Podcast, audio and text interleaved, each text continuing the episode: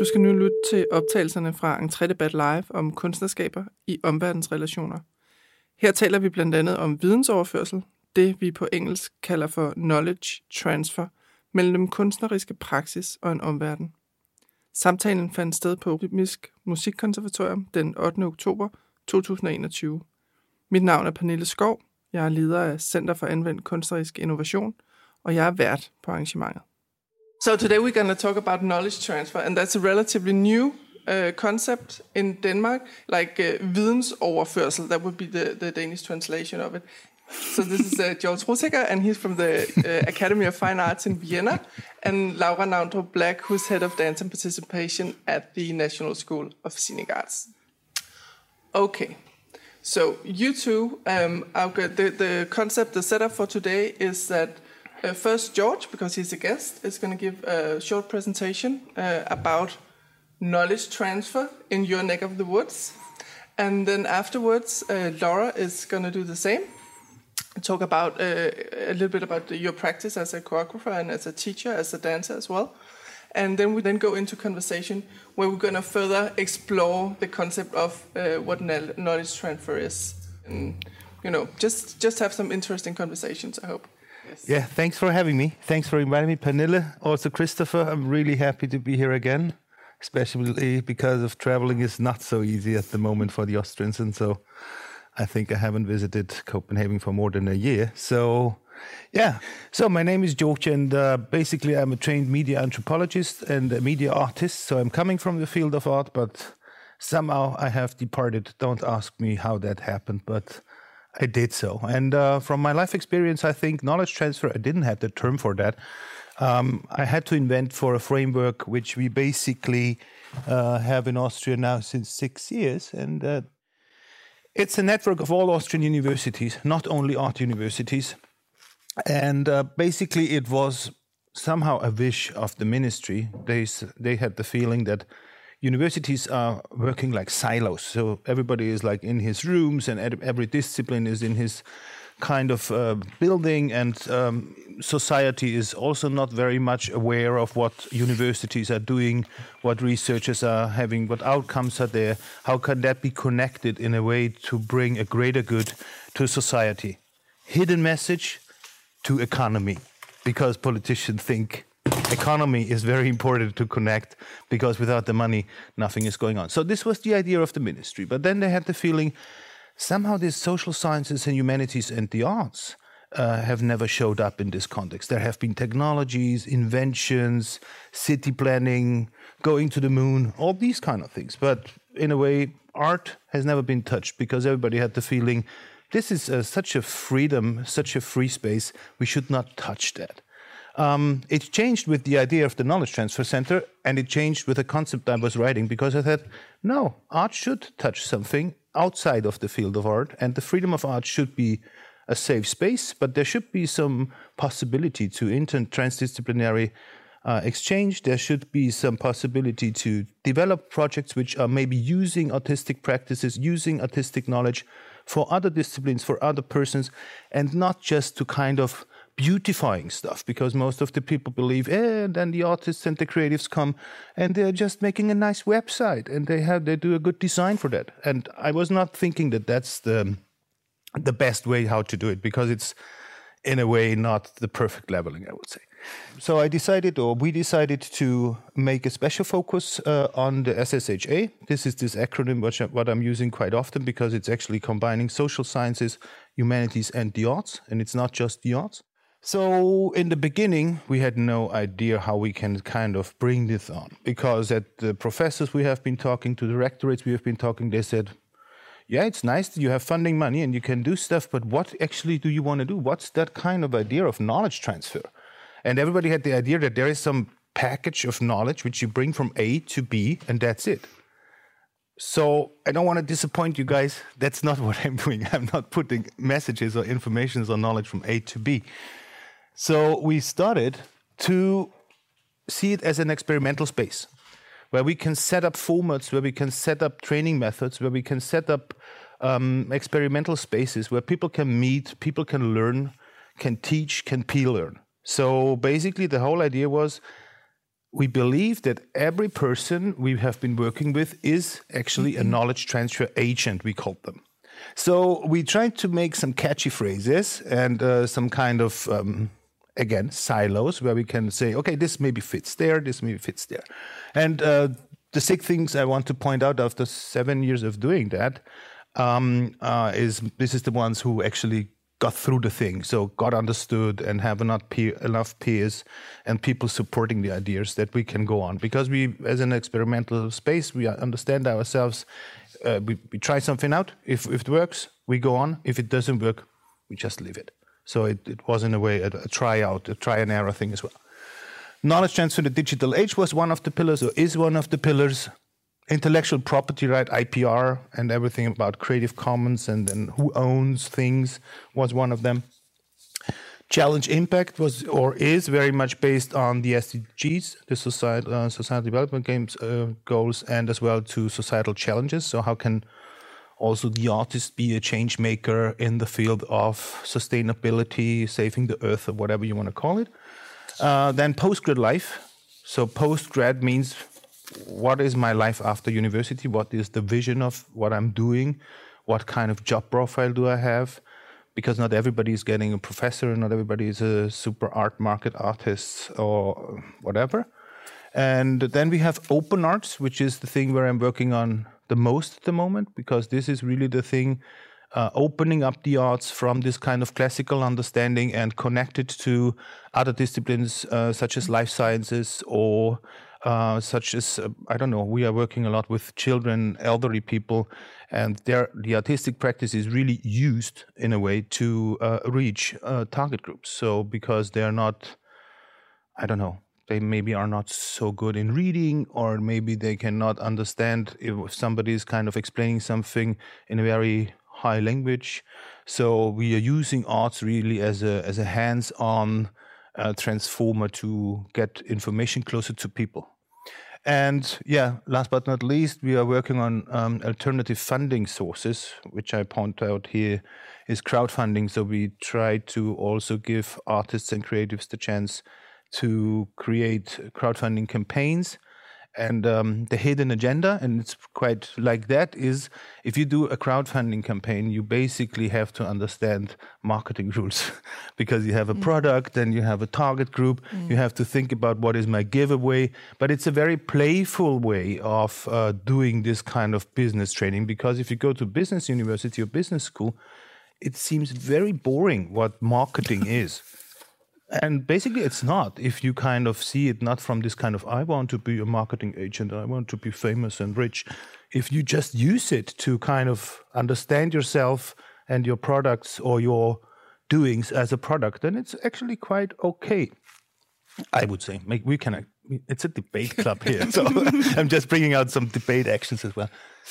Okay, I mean, maybe some examples I wanted to point out. So, as I said, when we started, the most important thing is how can we kind of provide vocational training for people who are actually already out of university. So we our main first focus was alumni, not people at the university, not working with students because students they already have a plan what they should learn and what they should do, and uh, we don't want to interfere. And this was also for us a kind of good decision because then nobody can come into your field and say, "Hey, don't tell my students how to do business because we don't like business.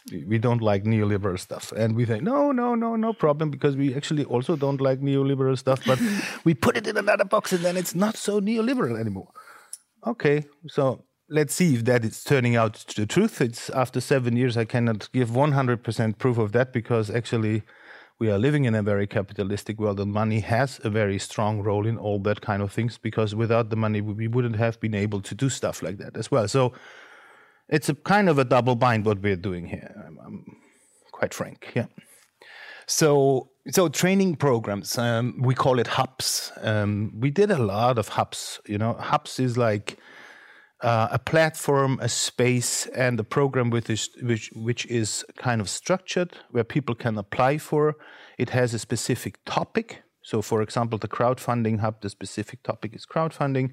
Or we had as well a program which we are calling "Make Yourself an Expert." which is again uh, because there are so many experts everywhere, right? Everybody somehow means or believes he or she is an expert. And if you look at the TV all the time, some experts explaining how things are going on.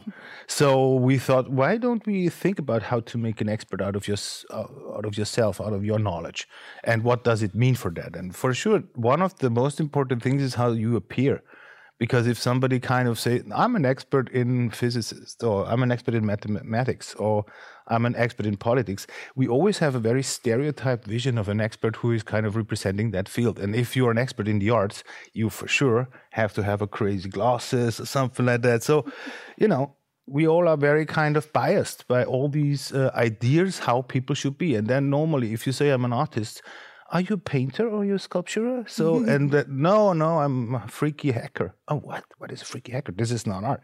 So, in a way, first of all, in this kind of training programs, we try to also find our systematical biases which we are carrying with ourselves and what we believe we will do in 10 years and how we will work or how we will live. And this showed a lot that this is not only about uh, vocational training, about a topic, it also transports a lot of different questions with, which are never really addressed in an educational system. And by this means, we found out okay, we have to dig deeper into this understanding of how to make a living. And the next format then we decided to call How to Make a Living in the Arts. So, because we didn't address actually what the persons have been doing in the arts, we have addressed how they live within that system. Do they have a good social security system? Do they know about taxes? Do they know about how to write the bill? And no, nobody knows. And it's not just in the arts. People have really big problems to write bills or to know what the tax level is in their country and how much money they will earn if they kind of say, I'm getting 50 euro per, per hour. Because then half of it you can already give to the tax. And it was really, really surprising and also for us in the teaching segment that there was actually a total lack of today you will call it entrepreneurial skill. Mm. and i just call it um, life skill. Because if you don't have uh, the knowledge about that. So again within that program we found out that the topic was just the carrier for a lot of things we can teach we can exchange we can train by using a specific carrier which is interesting because how to make a living is an interesting thing uh, to think about i guess not only for the arts. So slowly slowly also our leaders and uh, university representatives found out that's not a bad thing but how can we embed that into the universities? Yeah i'm good. I think i will round up in a way because I think I'm really interested in debating with you and also mm-hmm. hearing what you are thinking about knowledge transfer. And this is mm-hmm. um, the knowledge transfer center with the tag knowledge transfer. It's just a tag because knowledge transfer can be so much things, and it's a free space to experiment, to try things out, and to really kind of get things going in these challenging times. I would say because next to us, we are sitting here in this beautiful landscape, and um, I have a seven-year-old daughter, and I want that she has also this beautiful landscape, and not that I have to tell her, "Sorry, I was doing knowledge transfer during the times the Earth was cracking down." I'm really sorry. Would not be my plan. So, and and the pressure is coming up. I think in the last two years, um, sustainability-driven. Uh, SDG driven and societal challenge driven focuses are really into my mind, and it's a, now a personal development that I cannot avoid thinking about that because I think if we do knowledge transfer and don't take this into account, somehow we are missing totally out. Thank you. Thank it's you. super interesting. There's so much to talk about. Thank you. Uh, so, Laura. So, hello. I'm uh, I'm Laura, uh, and I normally sit at the the Department for Dance and Choreography uh, at the Danish National School of Performing Arts. I'm so pleased to be here. When Pernille asked me, uh, "Can you uh, talk uh, here and can we do something about knowledge transfer?" I was like, "Oh my god, I have no idea what you mean by knowledge transfer." but now I know more, and I see that uh, it was a smart choice. It's a much better match than one might think. So when you talk about how everyone has agency, uh, that's exactly in a way what my work is about. Great. Um, so before uh, I go on, I thought I'd just say sort of very briefly something about the education that I'm heading, and also very briefly about the research I'm undertaking, both in terms of KOE projects and as a PhD, because I think what I'm going to talk about is going to make much more sense in that context. So the MFA in dance and participation that I'm heading uh, is an education for dancers who already have a, a, practice and who are interested in finding ways of involving people directly into the making and the dancing. Mm? Uh, we operate uh, mainly with uh, with approaches, or we operate only with approaches that are, let's say, pedagogically and social socially responsible. so, I mean, there are many ways of dealing with participation, right? But that's kind of the area that we're we're in. Um, and then very briefly about the research that I am uh, undertaking, as I'm very broadly interested in the child as choreographer and as choreographic material. So that means I'm, I'm interested in involving them in what you could call a otherwise professional practice. I'm interested in creating ways of working where we can meet and collaborate uh, I wouldn't say non-hierarchically because I don't think such a thing exists, but where we try to find uh, proposals that we can go uh, into um, not as experts and non-experts, but as uh, people. Yeah. Um, and uh, the kind of approach I used to do that now is getting a little bit nerdy is that rather than working on expressive language, so like here's an idea, I'm going to express it through movement. We try to work on expressive ideas instead. That doesn't mean that there's not movement, there is, but uh, it means that the movement is not a translation of an idea. Hmm? Please do interrupt me if it doesn't make any sense whatsoever what I'm saying. Um, I mean it. so, I even found a quote in a text I wrote where I said that one of the things I wanted to avoid Georg, was edification and knowledge transfer. maybe, maybe we can change that today. I hope so. I think it's already changing. Uh, so I thought uh, maybe what I can do is provide a practice example. So we have something concrete to maybe or maybe not uh, latch things uh, onto. Uh, and it's, it's a project uh, which is was both a, a, teaching situation, it was research, and it was a performance. Mm. And uh, called it Luftig. It's a project that I did with actually an Austrian artist called Lisa Hinterreithner. Yeah. Um, and we've been working for a long time on air as a material. Uh, and developed some ways of working with air as material that we want to share with others. So um, we worked with a group of students from the education that I'm running, so from here in Copenhagen. And we worked with them uh, for a few days, three days, I think it was, three intensive days, where we transferred some of the principles of the work we had been doing with wind and air to them. And those principles were to only use the mechanical means of your own body and pieces of cardboard to move wind around. It means that the experience of the piece is not visual, but it's, it's a sensation, it's a felt sensation of air touching your body. So this is what the audience uh, senses. Um, and this is the principle that we, we, we passed on. Mm? So really open, really. Yeah. We transferred the rules also. So, you know, you could say you could take a fan and just spin, and that would be another way of working with air uh, moving. But we restricted it to these uh, cardboard pieces of various uh, sizes.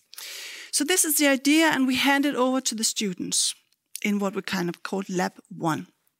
And they work with it for some days and they find ways of working with that they're interested in. Very quickly, they found out that they can only work uh, with this material, they can only understand this material um, by, by uh, their own experience of it. Does that make sense? I mean, you can't see it, so you have to you have to both learn to control it as a material, uh, as a um, so you can it can do a lot, right? Even with a little piece of paper, oh, it can be very dead. It's very it's very fine. Yeah. so you have to you have to learn how to control it, but you can only learn how how it trans transfers to someone else by experiencing it. So if Georg was to learn to use air as a material in a choreograph in this choreographic context, he would have to try it on his own body, what it feels like as well. And that makes it instantly communal I mean, I can sit like this, but you know, it's not very refined what I can do.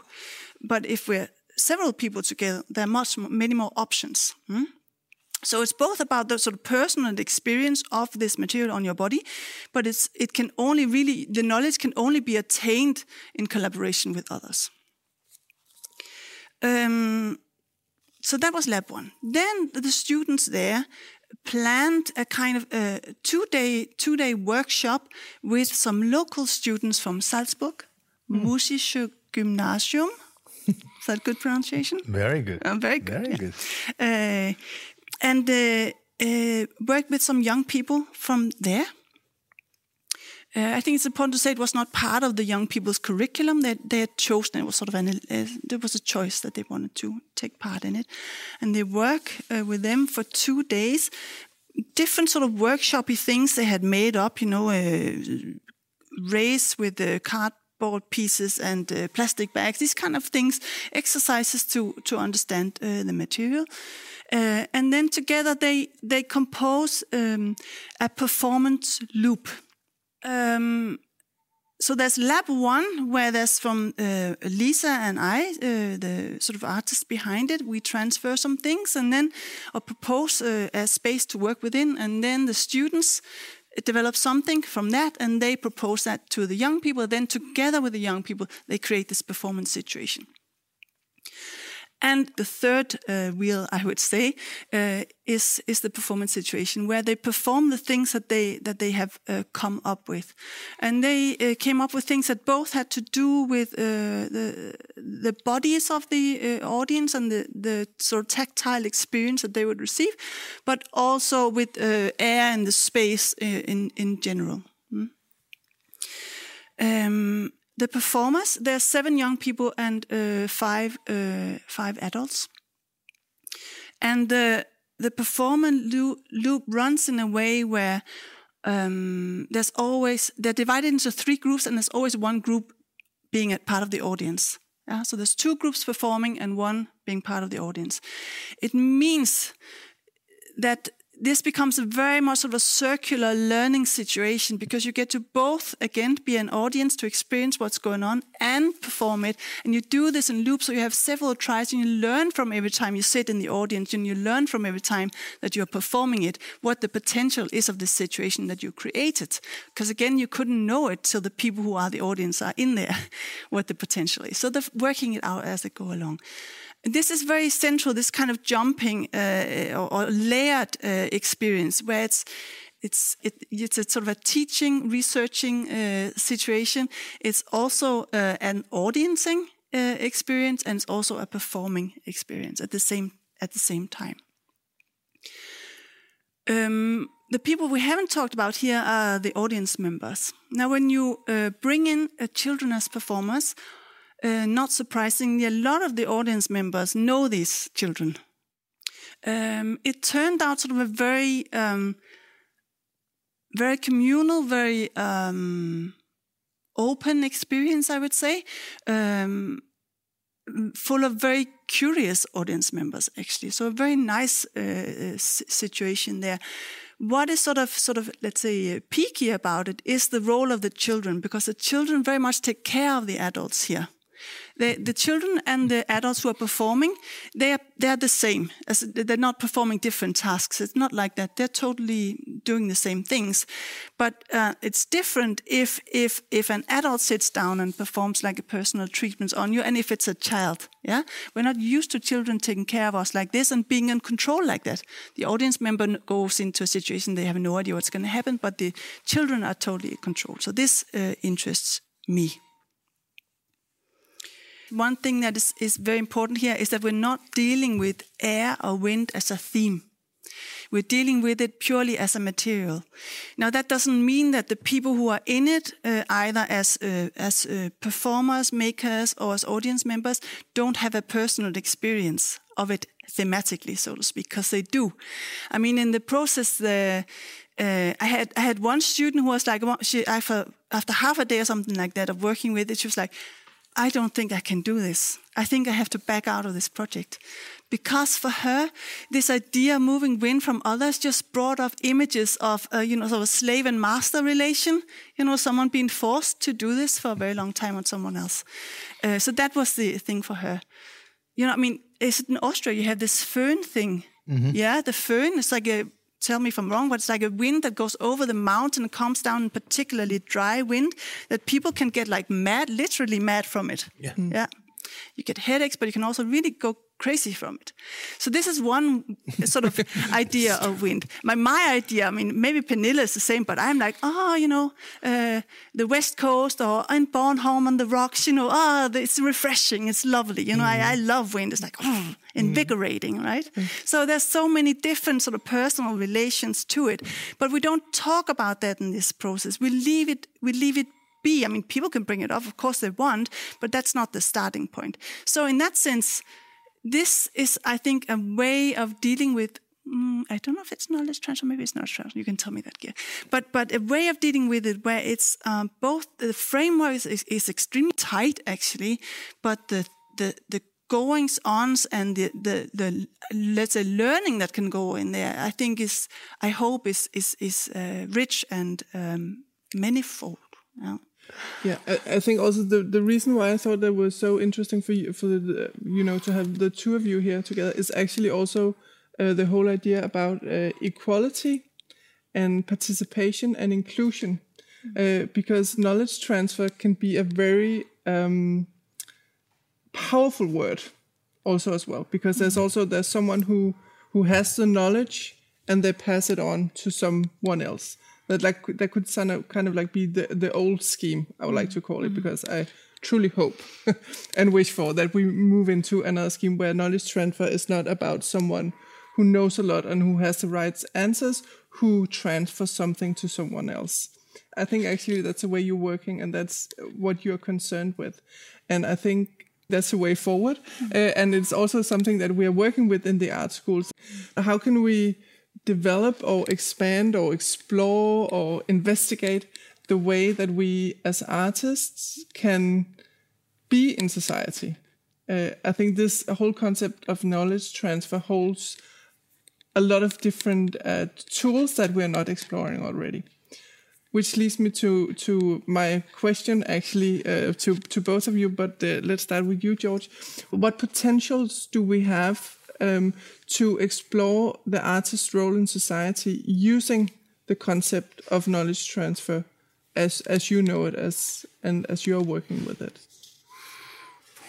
maybe two things to point out i mean as we see here we are a small group of people and it reminds me to uh, when I started to work with this topic in Austria, because we kind of called out, and there have been showing up five people, and now we have a couple of hundreds, even thousands of people who are knowing about mm. it. So the first thing is how to create a knowledge transfer community, or how to create a community of mm. um, relation of um, usefulness. Uh, how to embed that in a way that it makes sense to do that. Um, the second thing is as well we should maybe get rid of this idea of pole position and excellence. Mm. Um, I, I, know I'm, we cannot get rid of that so easily because if we look into funding schemes, if we look into art schools, for sure we need this kind of idea of excellence. But on the other hand, knowledge transfer is more like a social and cultural activity. In a way, for sure, knowledge has a tremendous important part of that because, but in a way, what do you actually identify as knowledge and when does it have the tag knowledge? So, in a way, I think we have to totally open up this um, discussion on um, when knowledge is counted as knowledge and for what sense. And on the other hand, if we take out the pressure of excellence, even if it's taking place, mm. but in the beginning, always kind of creating these spare heads, this kind of uh, narrowing down the approach that we get the essence out of it. So it means we take always a lot of things out of complexity. And I think when I'm looking from my point of view, I think dealing with these complexities is much more important than eliminating noise. And I think this is why we should not narrow down the approach of knowledge transfer. We should open up that there can be a kind of counter movement to that what we normally know as knowledge institutions. So, finaling up uh, answer to your question, this is a really new approach. This is a uh, this is approach which is a very social and cultural approach, and we, it's it's an it's an experiment still, and uh, it's important to grow a community of knowledge transfer worldwide. We're on it. Thank you, Laura. What do you think? Yeah, I'm thinking. I'm thinking that these ways of uh, understanding uh, knowledge or dealing with art and society can coexist and should coexist. I mean, I don't uh, believe sort of in a paradigm that's ended and new and is opened up. I think excellence and excellence and also in sort of a let's say sort of craft way can can certainly coexist with other way of engaging with people and i think it should there's a time and place for everything uh, i'm just happen to be intensely uh, interested in one way of working right? Um, i thought a little bit about uh, also this idea of, of craft actually and excellence uh, and you know you could end up in a situation where you just kind of shift the thing that you're excellent at as an artist you see? So you could be totally excellent at your instrument. That could be in my uh, for instance for me it could be my body as an instrument. I can be an expert in that. Um, but I could also, uh, and this is maybe what my students are trained to be, I'm aspiring to be, be uh, excellent in terms of, um, let's say, creating these uh, spaces for, uh, for, uh, for collaboration and, and making of art. And maybe they're not so different you know? I mean i don't think it, it, it, will be less centralized by making that shift. It'll be maybe similar people who will be experts at it. It's just slightly different way of being an expert. Does that make sense? Mm. um, so definitely they can coexist i think. Um, okay so you can these things can coexist. I think what what in my opinion is outdated is um, is the the artist or whoever trying to, as a thinking that they know know what others might be interested in, that they know about uh, that person's uh, life world. I mean, you cannot never ever know that. We're past that, right? So that's, I think, there's a shift there. That's a thing that's of the past. Uh, we cannot assume that we have knowledge of others people, other people's experience of being in the world. So that we have to be curious about, I think. But I think it's totally fine to be a super. Um, uh, virtuosic, uh, whatever artist, uh, and to share that. the masterclass is not dead. That's what I'm saying. Mm. definitely not. Oh. We're having one in the afternoon. and it's very much alive. mm. Georg, you used the word entrepreneurship a few times. Um, and that's very brave of you. in for someone who's been working with entrepreneurship in the arts, developing in it uh, as a like field of knowledge in the art school for 10, 12 years, I think. Uh, I know it can be a very dangerous word because a lot of people will back off, as you said, and think neoliberalism and you know all the capitalism and all the stuff, which entrepreneurship could also be. And I think for artists and people working in the arts, it is something different. And that has to be developed as what could that be? And this the exact idea with having entrepreneurship as a field of knowledge is to strengthen the agency of the artist in society. Um, so in terms of that what and knowledge transfer and artist position and entrepreneurship as such um, what do you think that the potential is in this if we like look out ahead into the future gaze into the future in five, ten years' time. And if we really work with entrepreneurship and knowledge transfer in the art institutions, how could the the scenery look? What what do you think? What could we discover? What could be developed? I would be happy to answer that. Go ahead. I will not uh, stick into the language trap because I mean, basically, it's always a, a question of translating something, right? If you, I, am now more confident to use the term entrepreneurship because I know a what I'm meaning with it, and b if somebody asks me, I will totally flip the whole situation within a few seconds that we are not talking business education. Mm. Um, and uh, the funny thing is, and why I have this confidence, and first of all, is uh, five years ago, if I would have been to our student organization at the Academy of Fine Arts in Vienna and I say, "Hey, I'm the guy responsible for entrepreneurship here," they will take some thing and they light me up. You know, it's like you you never should come again. Yeah. two years ago, they came to the rector and said, We need entrepreneurship education. They didn't call it entrepreneurship education. They said, we want to know how to do this, how to uh, do a startup. We, we want to have at least basic knowledge about things like that, and then how we can transform that with our kind of knowledge. So they have now also the confidence that they don't just embed, you know, this startup ideology, you know, I need just one million and a programmer and an exit in two years, all is fine. No, they don't have even this idea of entrepreneurship because this is a kind of Californian made idea which has been then trained in several institutions and then it has transported to other European countries. And we have really problems to embed that into our culture because we don't have uh, the money behind it, we don't have the tickets and all these kind of things. So forget about it. The thing would be what is Europe, or in a way, Eurocentristic thinking, and hopefully not forgetting that there is also a global south, and there is also Asia, and there is also Africa, as somebody said once, the final market, hmm, entrepreneurship term. Uh, what does that mean in a kind of development? And now we come to this vision of knowledge transfer. So maybe entrepreneurship can be used as a material, as a skill, as something I can use to make something greater good. And I think this is now the big umbrella because you pointed out how would a future with a positive connotation mm. of entrepreneurship look like.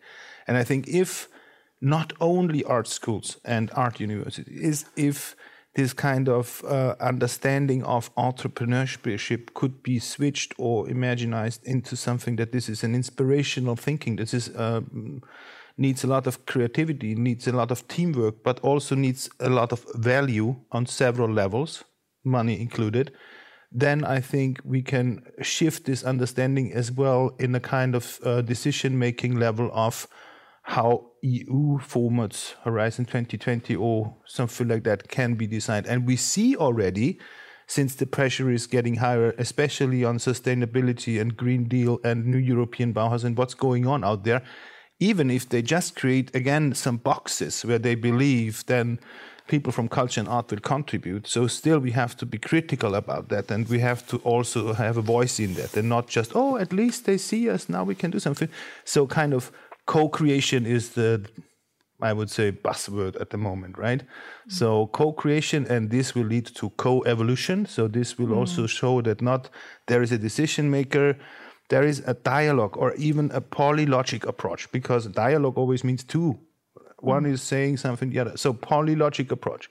And if we can also raise the sensibility for the needs, or for example, uh, bring in more diversity in the system. So again, uh, seeing the needs of elderly people, seeing the needs of um, of uh, our youth, uh, there's also something as a uh, like uh, responding to or reacting as an artist to to to current problems in society. That's also that's one way of being an artist, right? I mean, we we'll go. it's also a matter of what we define as art. You know, if we go far enough back, you would you know get your guitar out in uh, in the local pub, and that I mean you know, you perform for your family and friends, and that would be art. So this is a special kind of institution that we call uh, art making now. And if we talk about how it's spread out in society, that's maybe also uh, uh maybe we need to ooh, negotiate that a little bit. Uh, mm. uh, what it is uh, uh, we we define as belonging to the art scene.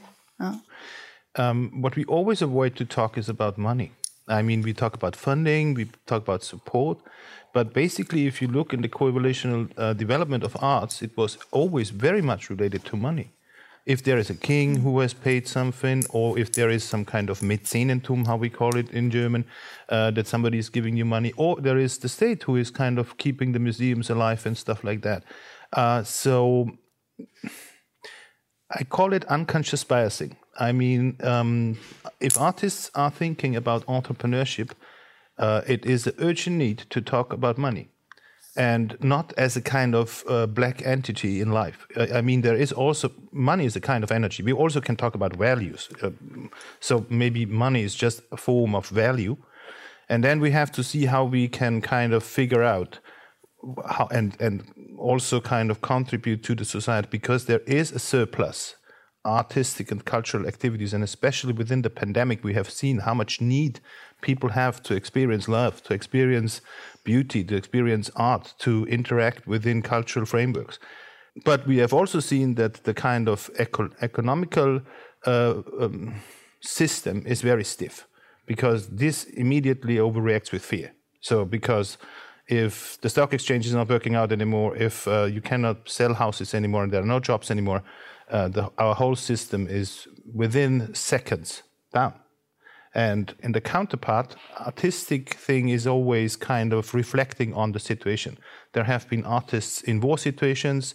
There have been artists as hackers within the first uh, web bubble. There, so artists don't have just a role. They always identify their role, and I think it's kind of a unconscious biasing means we have to recreate the stereotype of the artist, and not for our sake, as you said, sake.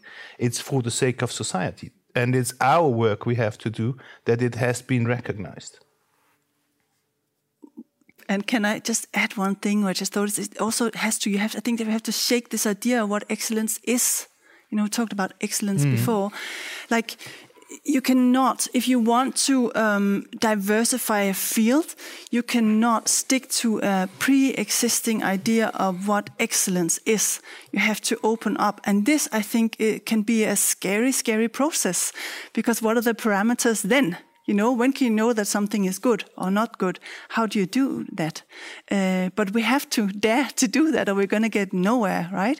And that takes a kind of um, a sort of mm, curiosity, a knowledge, and a trust in your gut feeling, which I, I, think is uh, uh, totally central there, and which I think uh, springs actually could spring from things like uh, super nerdy artistic research, daring to bring in things that are totally unknown to you already. Maybe that's, I think we have a little bit of tendency to build the house and then fill it with stuff in terms of culture and in terms of uh, art and in terms of sharing it and meeting other people. I would build a house and then put something in it. My ideal dream future would be that everything's a little bit more nerdy in a sense that we have uh, artists who are such great entrepreneurs that they manage to to build the house that suits their practice and suits their artistic interest. Mm. So, we, so we gain sort of a very a super diverse uh, um, uh, platform of different artistic practices and cultural outputs that fit both the artists who sprout them and the people who live in the places where they exist. That would be my dream. Mm. I have a question for both of you, actually. So if we if we want to um, enhance uh, and and strengthen knowledge transfer in the art institutions, with the concept that we've been talking about here today or, or the content. Um, what could we do in terms of education? Because I think also a lot of what we have been talking about, and also the question, is something that is sort of outside of the educational programs, right? So there's very much an inside and, and an outside. Uh, and I guess that's also the way it has to be when it's an you know, educational institutions because you're there to become educated and to learn something and to find the knowledge in yourself and in in the, the pool of knowledge around you right? Um, but is there any way that we can make this more uh, uh, come alive inside the teaching programs in the art schools without sort of being too big headed, this is in a way what the course I'm teaching is doing already, just by the very nature of it. It's about participation. So the people who come there are people who want to engage with society in a very direct manner. So they have that interest already.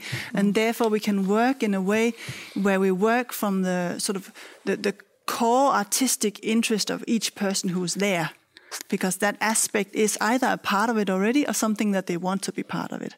So, so that follows that that that is it. that is it. That's mm. what we're dealing with.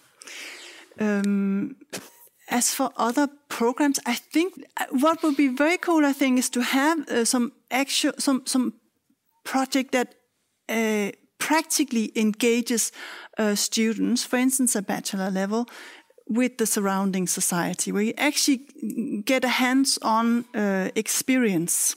Uh, so you either work with some people, you work in specific places, you work in in in uh, the uh, case of uh, performing arts, uh, not only in the big existing institutions that are made for it, but also in other places. And once you get that experience, you start to see possibilities uh, that are already built in uh, in those sorts of collaborations, and some that you could imagine from it. So you, you let uh, always the uh, artistic interest of the student be the driver, but they have to meet things. So that's the thing I can think of that I think would make uh, an impact because I've seen it happen when you organize things like this. Uh, recently, I did a project with uh, students uh, from my education, some students who are studying uh, acting, uh, some students uh, within music who worked with some uh, local, it's called FGU students. It's like um, youth educations, which is mostly for young people who either have dropped out or don't know exactly where they want mm. to go in terms of their education. and then they work together on a proposal, a very loose proposal that's been set for them. And even also go into a project like that uh, with a little bit of skepticism. I mean, how high do we have to go out and touch the real world in that way, so to speak? Um, come out on the other end like, wow, okay, there was some kind of thing going on in that thing we produced there. There was some kind of particular presence and way of working, a tentativeness that uh, is extraordinary, artistically extraordinary, and artistically extraordinary in a way that is felt by the audience that visited those rooms that, that they established. So I think the hands-on experience outside of our uh, sort of the institutions or houses that call for our presence is necessary. Uh, but I think maybe the most important thing here is that those um, those futures that our students are going to go into, and those uh, teachers that are going to teach them, and those kind of things that are going to exist, that we sure get inspired by each other and inform each other and have debates, and but that each individual, each institution, each whatever uh, can have its own distinct uh, possible future. That it does not, we don't strive for uniformity. Not everyone, not every student should have the same entrepreneurship teaching. they should have something that uh, that opens up a pathway uh, that is individual for them. Yeah. Mm. Thank you. I think we have to run. Oh, I don't think. I know that we have to uh, round up now. So if you have anything final you you want to say? Now is it? Otherwise i would just say it's been super interesting and thank you all also for for your comments and your questions. And uh, both of you thank you so much for coming. It's been a pleasure and it's super interesting and i just look forward to thank continuing you. this conversation like in the future. So thank you. Thank you. Thank you thank you